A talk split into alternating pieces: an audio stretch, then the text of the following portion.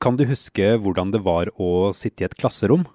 Kanskje var du en av de som gruet deg til det var din tur til å snakke, eller at du unngikk å rekke opp hånda, eller kanskje var du redd for å si noe feil. For mange kan det være vondt å bli stempla som den stille personen i klassen. Men så er det de som faktisk ikke klarer å snakke. Du føler deg annerledes, og du vil ikke være det. For meg så var det sånn at jeg kjente at tårene kom. For jeg hadde jo så lyst til å si det. Men når jeg prøvde, så Det føltes som om det satt noen inni meg, og så nekta jeg. Sånn, nei, du får, ordene skal ikke ut. Som om man satt med en bom. da. Så det, Hedvig Landre snakket ikke med andre enn familien på 17 år. for da har du så lyst til å prate og være en del av noe. Så klarer du ikke det. Og det er ganske fælt. Årsaken er en diagnose som rammer under 1% av befolkningen. Dette er Forklart. Jeg heter Andreas Bakke Foss, og i dag er det fredag 8. mai.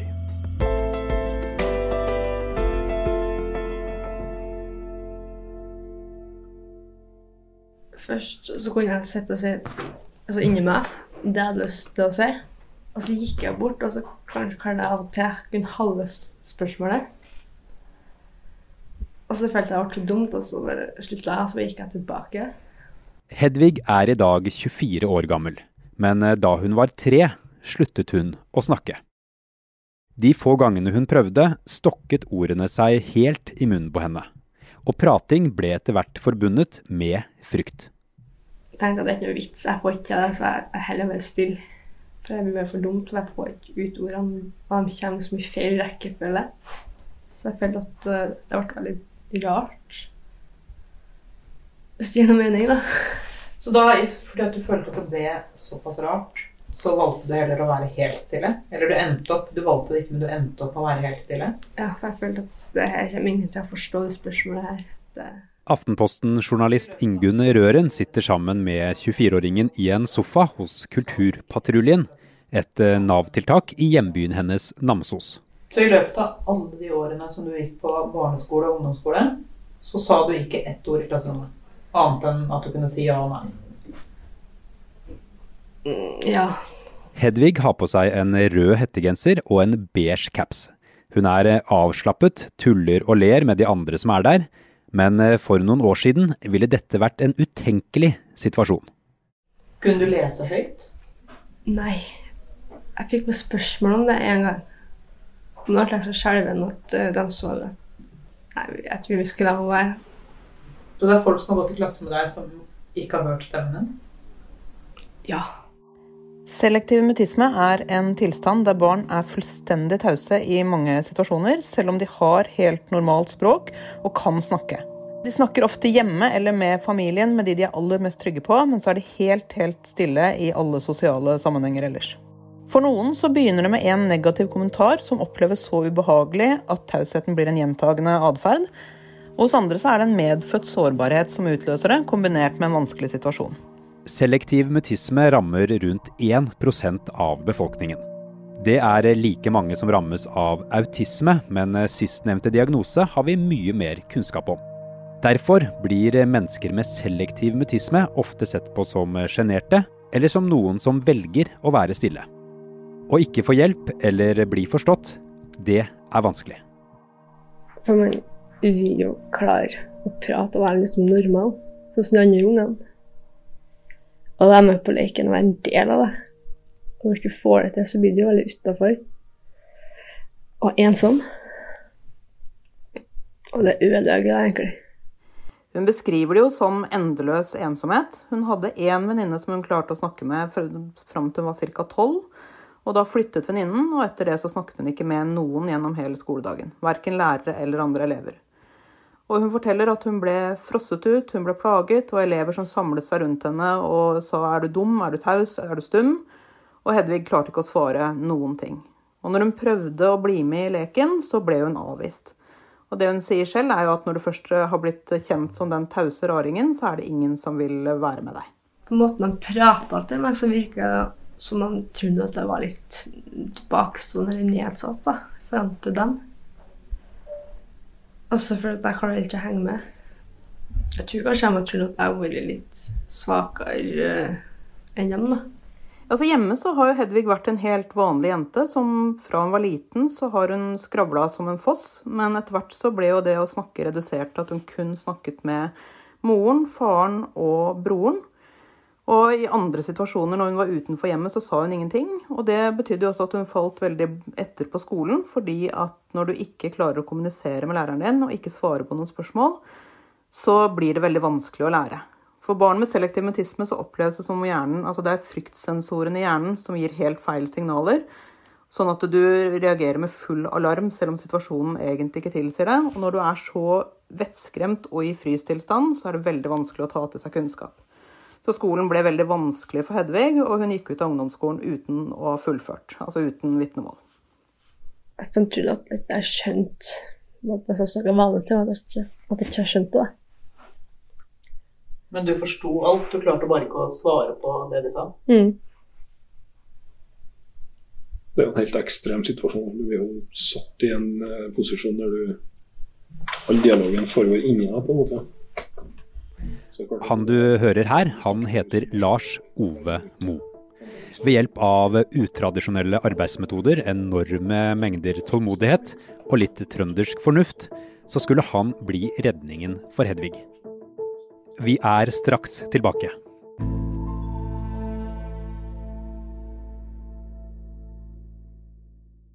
Så jeg husker Første samtalen jeg hadde, var ja, om det ble greit her, eller visste hva du skulle gjøre. Og det var noe ja, nei, vet ikke.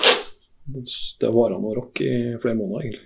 Da Hedvig var 21 år gammel, fikk hun tilbud om å komme til Nav-tiltaket Kulturpatruljen hver torsdag. Det er her hun møter Lars Ove. Hun var ikke så veldig stille når det kom hit heller, egentlig. For det var et kuppspråk som er ute av den verden. Det er ganske lett å lese hva som foregår. Altså.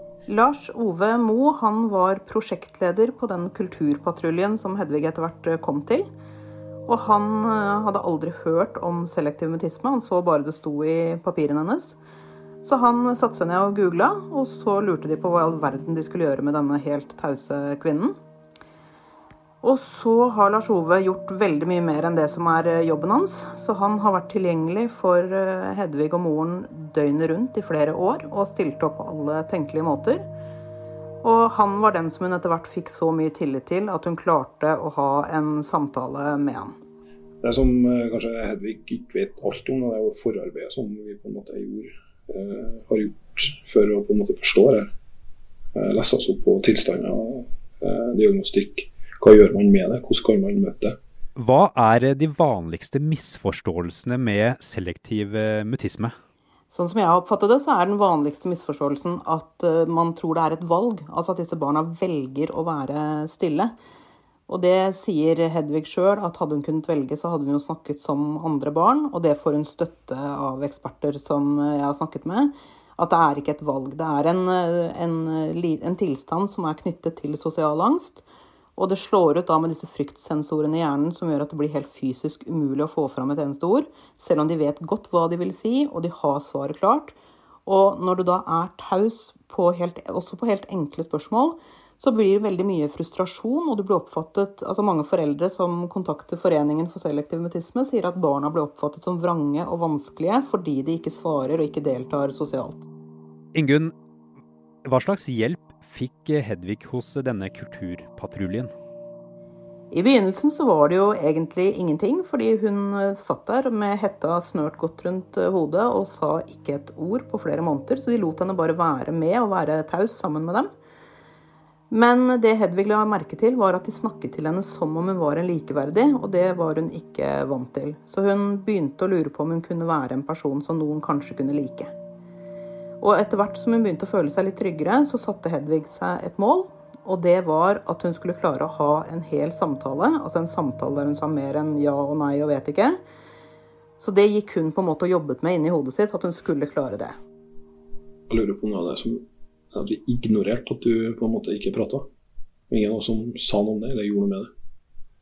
Og da tror jeg det vi satte sånn her, ja. Så tror jeg spurte dem hva, hva, hva er det egentlig du har tenkt å gjøre, hva du vil holde på med. Da kom det. Plutselig. da svarte Hedvig plutselig i hele setninger at hun gjerne ville lære mer om å lage musikk på PC-en, for hun er veldig opptatt av musikk. Og det øyeblikket klarer fortsatt ikke Lars Ove å fortelle om uten at han får tårer i øynene. Men så hadde dere en samtale som var en ordentlig samtale. Mm. Og etterpå, da tenkte du Jeg klarte det. Mm. Jeg klarte det. Ja, du gjorde det. Jeg skal være veldig overraska. Det er en veldig rar følelse som jeg har kjent på før. Sånn blanding av lettelse og lykkerus. skal jeg- For når du endelig får det til, så er det jo tør ikke med hva som helst. Når du prøver og prøver ikke får det til, så når du endelig får det til, så blir du jo veldig glad. Det er vel det samme med selektiv autisme. Når du endelig får det til, så blir du veldig glad. Og derfra så gikk det egentlig ganske raskt. Da var hun mye tryggere og begynte å snakke i flere sammenhenger eh, hos Kulturpatruljen. Og så satte de seg små mål eh, om at hun skulle øve på å si ja til, om, på spørsmål om, om hun ville ha pose i butikken. At hun selv skulle bestille lunsj. At de skulle oppsøke det hun var veldig redd for, altså steder med mange mennesker. Så de øvde på å gå gjennom kjøpesenteret, f.eks. Først når det var lite mennesker der, og etter hvert med mye mennesker. Så det var veldig mange små mål som ga store resultater. Hva er de største konsekvensene som denne diagnosen gir? Det er både det med å bli utenfor sosialt sett. Altså et barn som ikke snakker, vil jo fort falle utenfor eh, i forhold til det å ha venner. Og så er det på skolen at det at de er i en sånn konstant frykt- og frystilstand, gjør at det blir helt umulig å ta til seg ny kunnskap. Altså En av ekspertene vi har snakket med sier at når du er livredd, så klarer ikke hjernen å ha kapasitet til å lære. Så mange av dem sliter veldig med å henge med på skolen. Og kan ende, sånn som i Hedvigs tilfelle, at du går ut fra ungdomsskolen uten å ha vitnemål. Og det gjør jo at mulighetene videre blir veldig begrenset. Og nå som du kan snakke om det, så er det nesten litt rart å tenke på. Ja, det er det. Ganske rart. For da klarer jeg faktisk ikke å være stille. Jeg snakker jo hele tida. Du har mye på hjertet. Ja, det. Mye som har ikke venta på å komme ut. Hvordan tror du folk ser på deg nå? Jeg vet ikke. Villbass, kanskje? Jeg vet ikke. Det, det er veldig mye energi, da. Og munnen går jo i ett. Hadde du vært der du er nå uten uh, Lars Ove og den hjelpen du har fått her? Kanskje om ikke gått så fort. Jeg vet.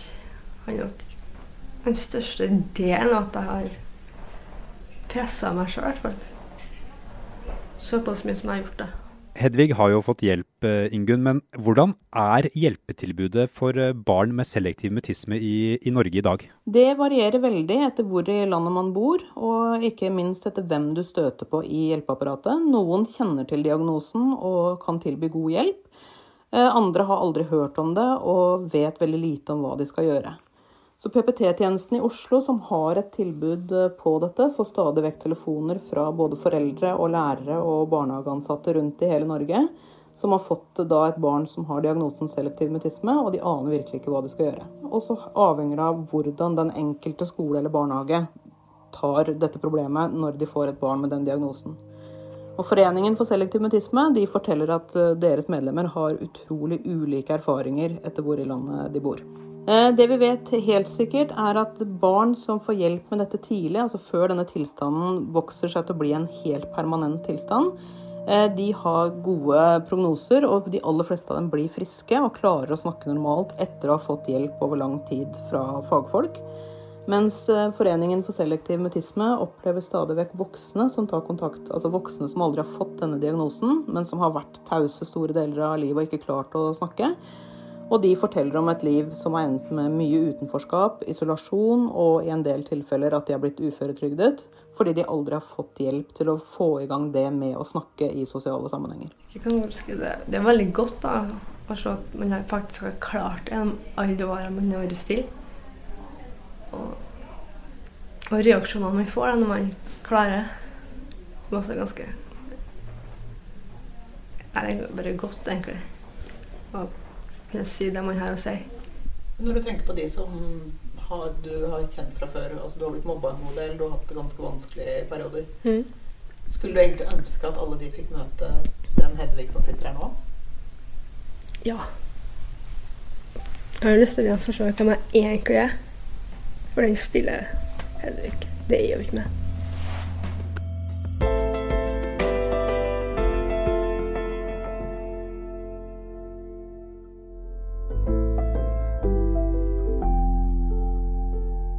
Forklart lages av Caroline Fossland, Anne Lindholm, Fride Næss Nonstad, Marit Eriksdatter Gjelland og meg, Andreas Bakke Foss.